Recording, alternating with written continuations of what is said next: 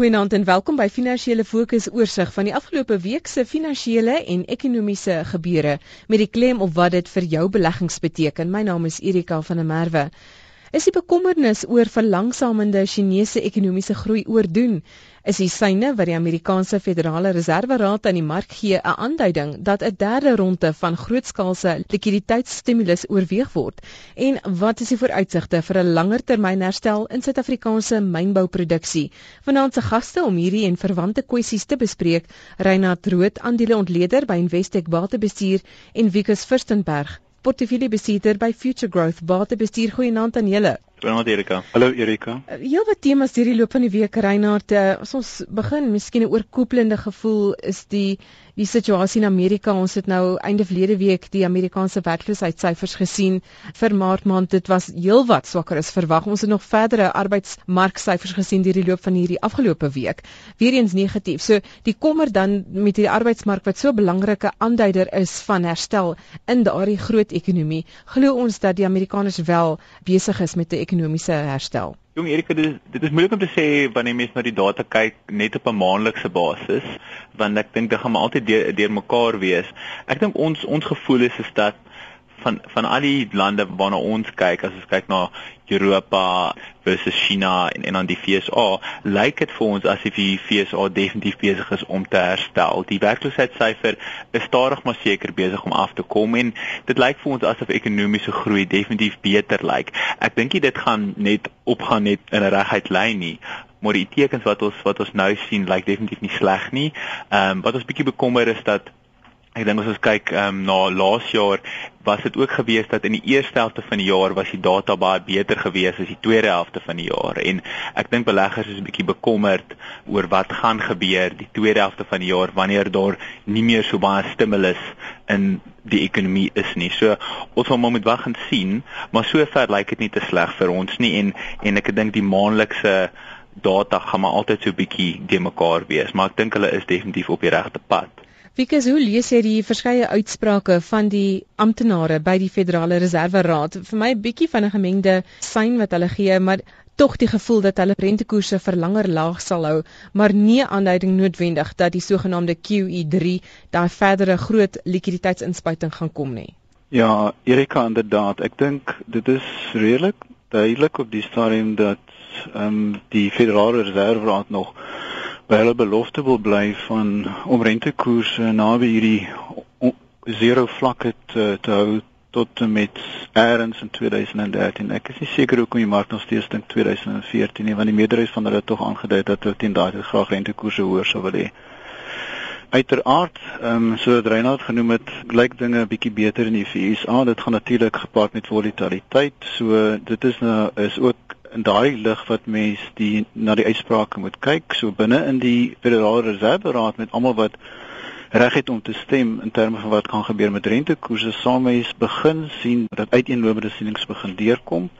En ek dink dit is wat ons begin sien in in uitsprake ook. Ek dink dit is op die oomblik lyk dit asof dit redelik duidelik is dat ons nie 'n verdere inspuiting gaan kry nie maar jong um, nie een van ons of een van hulle weet regtig presies wat op einde van die jaar gaan gebeur nie. Daar is verskeie risiko's. Um, groei lyk beter is positief maar is nog steeds uh, laer as die langtermyn uh, neiging. En um, ek dink dinge kan verander vorentoe maar soos dit op die oomblik staan gaan mes verskillende sienings begin deurkom en dit is 'n uh, 'n tydelike aanduiding dat ons waarskynlik op 'n stadium gaan sien dat rentekoerse nader kom aan die punt waar dit genormaliseer gaan word. Reinhard, hierdie risiko's en die wisselvalligheid uh, word ook veroorsaak deur ekonomiese aanwysers vanuit China. Ekonomiese groei BBP syfers vir die eerste kwartaal van vanjaar in China 8.1%, heelwat laer as wat die mark verwag het. En ek dink daar's 'n oorsensitiwiteit in hierdie stadium oor Chinese groei. Ja, ek dink dit is definitief so. Dit is dit is dalk die die area van die mark waaroor ek dink ehm um, daar baie gedebatteer word meer meer as ander areas omdat dit so so belangrik is veral vir die mynbou industrie. As jy as jy kyk na die ekonomiese groei syfer van 8.1%, moet ons ek dink eers net net in ag neem dat dit nog steeds 'n baie hoë syfer is. En ek dink dit is onmoontlik om net te aanhou groei nader aan 9% meer as 10% jaar na jaar. So Ek dink ehm um, in soos absolute terme is dit definitief nie sleg nie, maar dit is definitief bietjie slegter as wat ehm um, meeste mense verwag het. Ek dink 8.4% was waarvoor die mark gesoek het. En ek dink ongelukkig in die eerste kwartaal dan sit mens weer met die probleem dat dit ehm um, Chinese nuwe jaar is. So weer eens is die is die is die data bietjie de mekaar en ek dink ons gaan bietjie moet langer wag vir data uit die tweede kwartaal uit om om om basies regtig te weet wat aangaan daarso. Wat ons wel weet is dat dat eiendomspryse besig is om te val. Ek dink dit was af omtrent 17% in die eerste kwartaal en dit bekommer ons 'n bietjie. Dit lyk asof Chinese banke meer meer begin te leen. Dalk is daar so so so 'n bietjie meer stimulus wat die ekonomie wel kan help.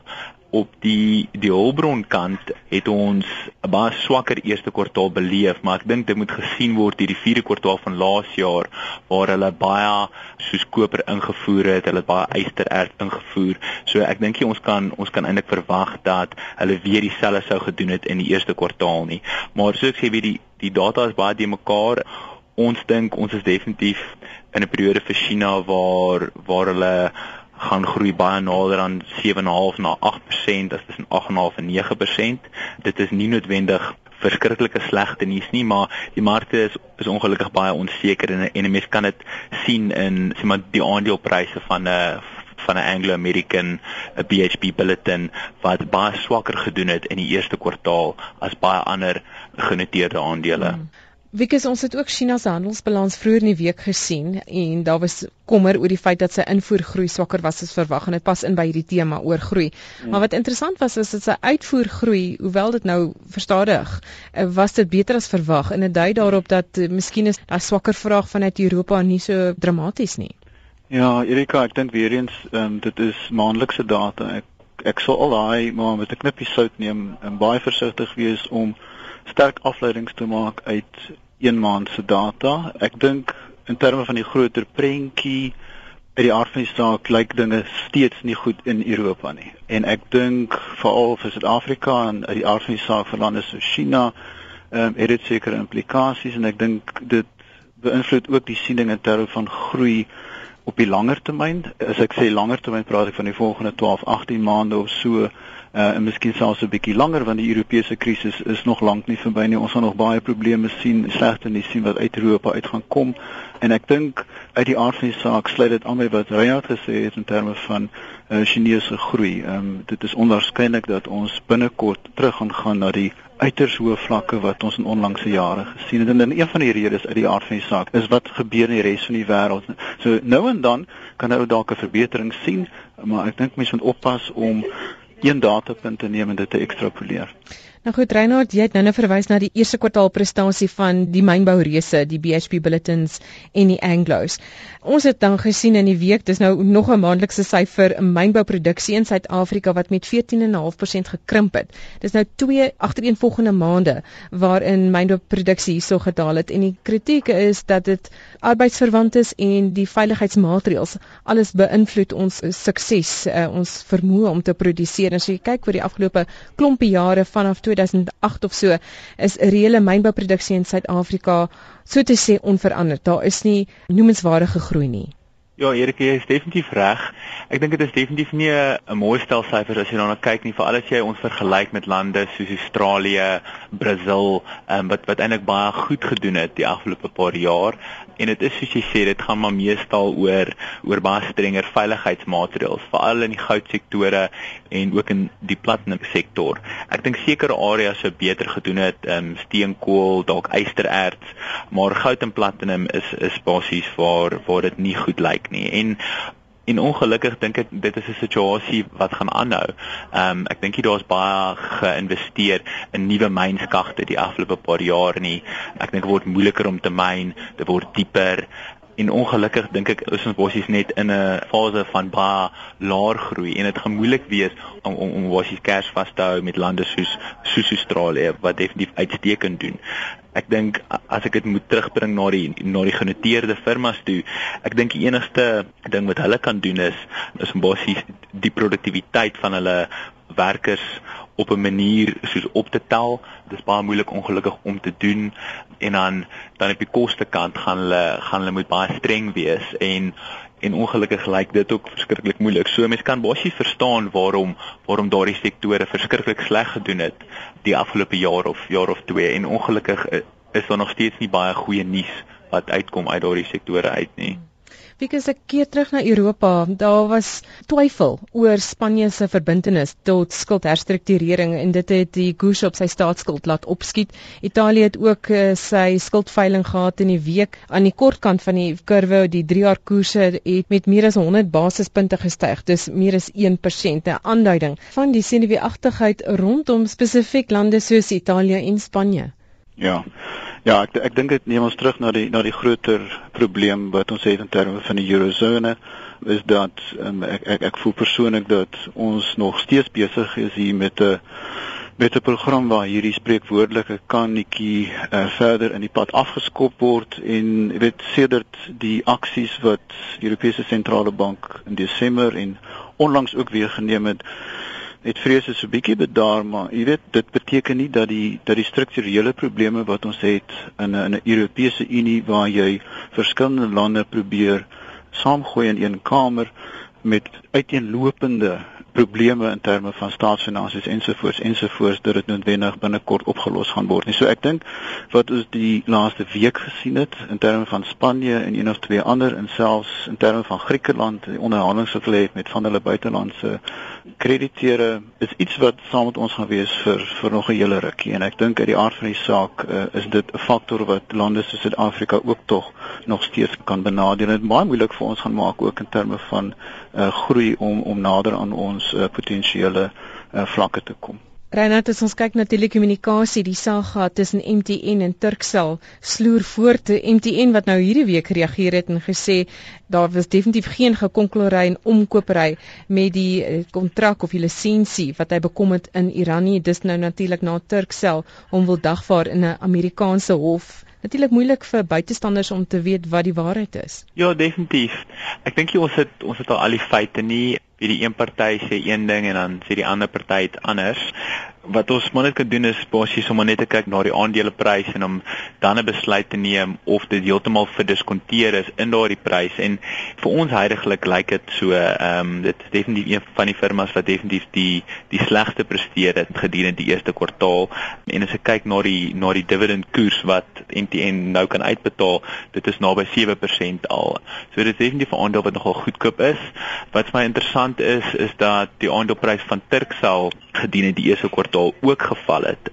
So wanneer mens vir myself die vraag vra, laat ons aanneem dat dat Turkcell dalk daardie 4.5 miljard dollar dalk gaan kry, sou ek uh, gedog het dat hulle aanloopprys moes opgegaan het. Ehm um, so die mark glo nie ook nie alles wat wat hulle sê nie, maar ongelukkig dink ek dit is 'n saak wat wat nog lank gaan aanhou. Ek dink ons baie onsekerheid, maar ek dink meeste mense sal nogal verbaas wees indien MTN wel skuldig bevind word. Ehm um, ek dink dit is een van daai firmas wat altyd maar 'n uh, hoe kan ek sê die spreekwoordelike stryd en narre paadjie stap en ja ons sal maar maar moet wag en sien.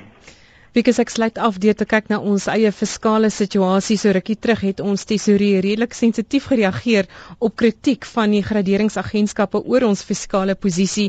Dan die uitspraak deur 'n tesourier lid uh, aan die parlement hierdie week. Hulle voel ons gaan wel hou by ons beplande fiskale tekort, maar natuurlik dit hang alles af van die salarisverhogings wat die staatswerkers hierdie jaar gaan kry. Minister Gordon het beloof dit gaan slegs 'n 5% verhoging wees. Wat dink jy? Ja, ek ek dink ehm um, ek ek wil graag die voordeel van die twyfel gee Erika, maar ons het daai beloftes nou al gehad vir die laaste 2, 3 jaar, het ons nie. So en elke keer is daar maar probleme wat ons ondervind aan die einde van die dag uh, by die onderhandelingstafel. So ja, uit die aard van die saak is dit nou nie net die enigste faktor wat wat mens moet na kyk as jy eh, 'n uh, siening wil neem op staatsfinansies nie, maar gegee die groei in hierdie um, salarisrekening van die staat is dit sekerlik iets wat wat vir ons nogal bekommernis veroorsaak. Ek dink in terme van die groter prentjie, dit lyk nie te sleg op die oomblik nie. Uit die aard van die saak is die kredietgraderingsmaatskappye, hulle noem nou die begrotingstekort en swaan, maar ek dink hulle is waarskynlik baie meer bekommerd oor die sosio-ekonomiese probleme waarmee ons sukkel in Suid-Afrika en dink heeltereg so ook maar ek dink in terme van die salarisonderhandelings ek, ek sal aangenaam verras wees as die staat uiteindelik by die 5% kan bly vir hierdie jaar. Wikus baie dankie Wikus Vissenberg, se portefeuillebesitter by Future Growth Batebestuur. Reinhard, dankie ook aan jou. Reinhard Rood is 'n aandeleontleder by Investec Batebestuur. My naam is Erika van der Merwe. Dankie dat jy saam geluister het. Volgende Sondag aand 20 voor 9 is ons weer hier so. Geseënde week vorentoe. Totsiens.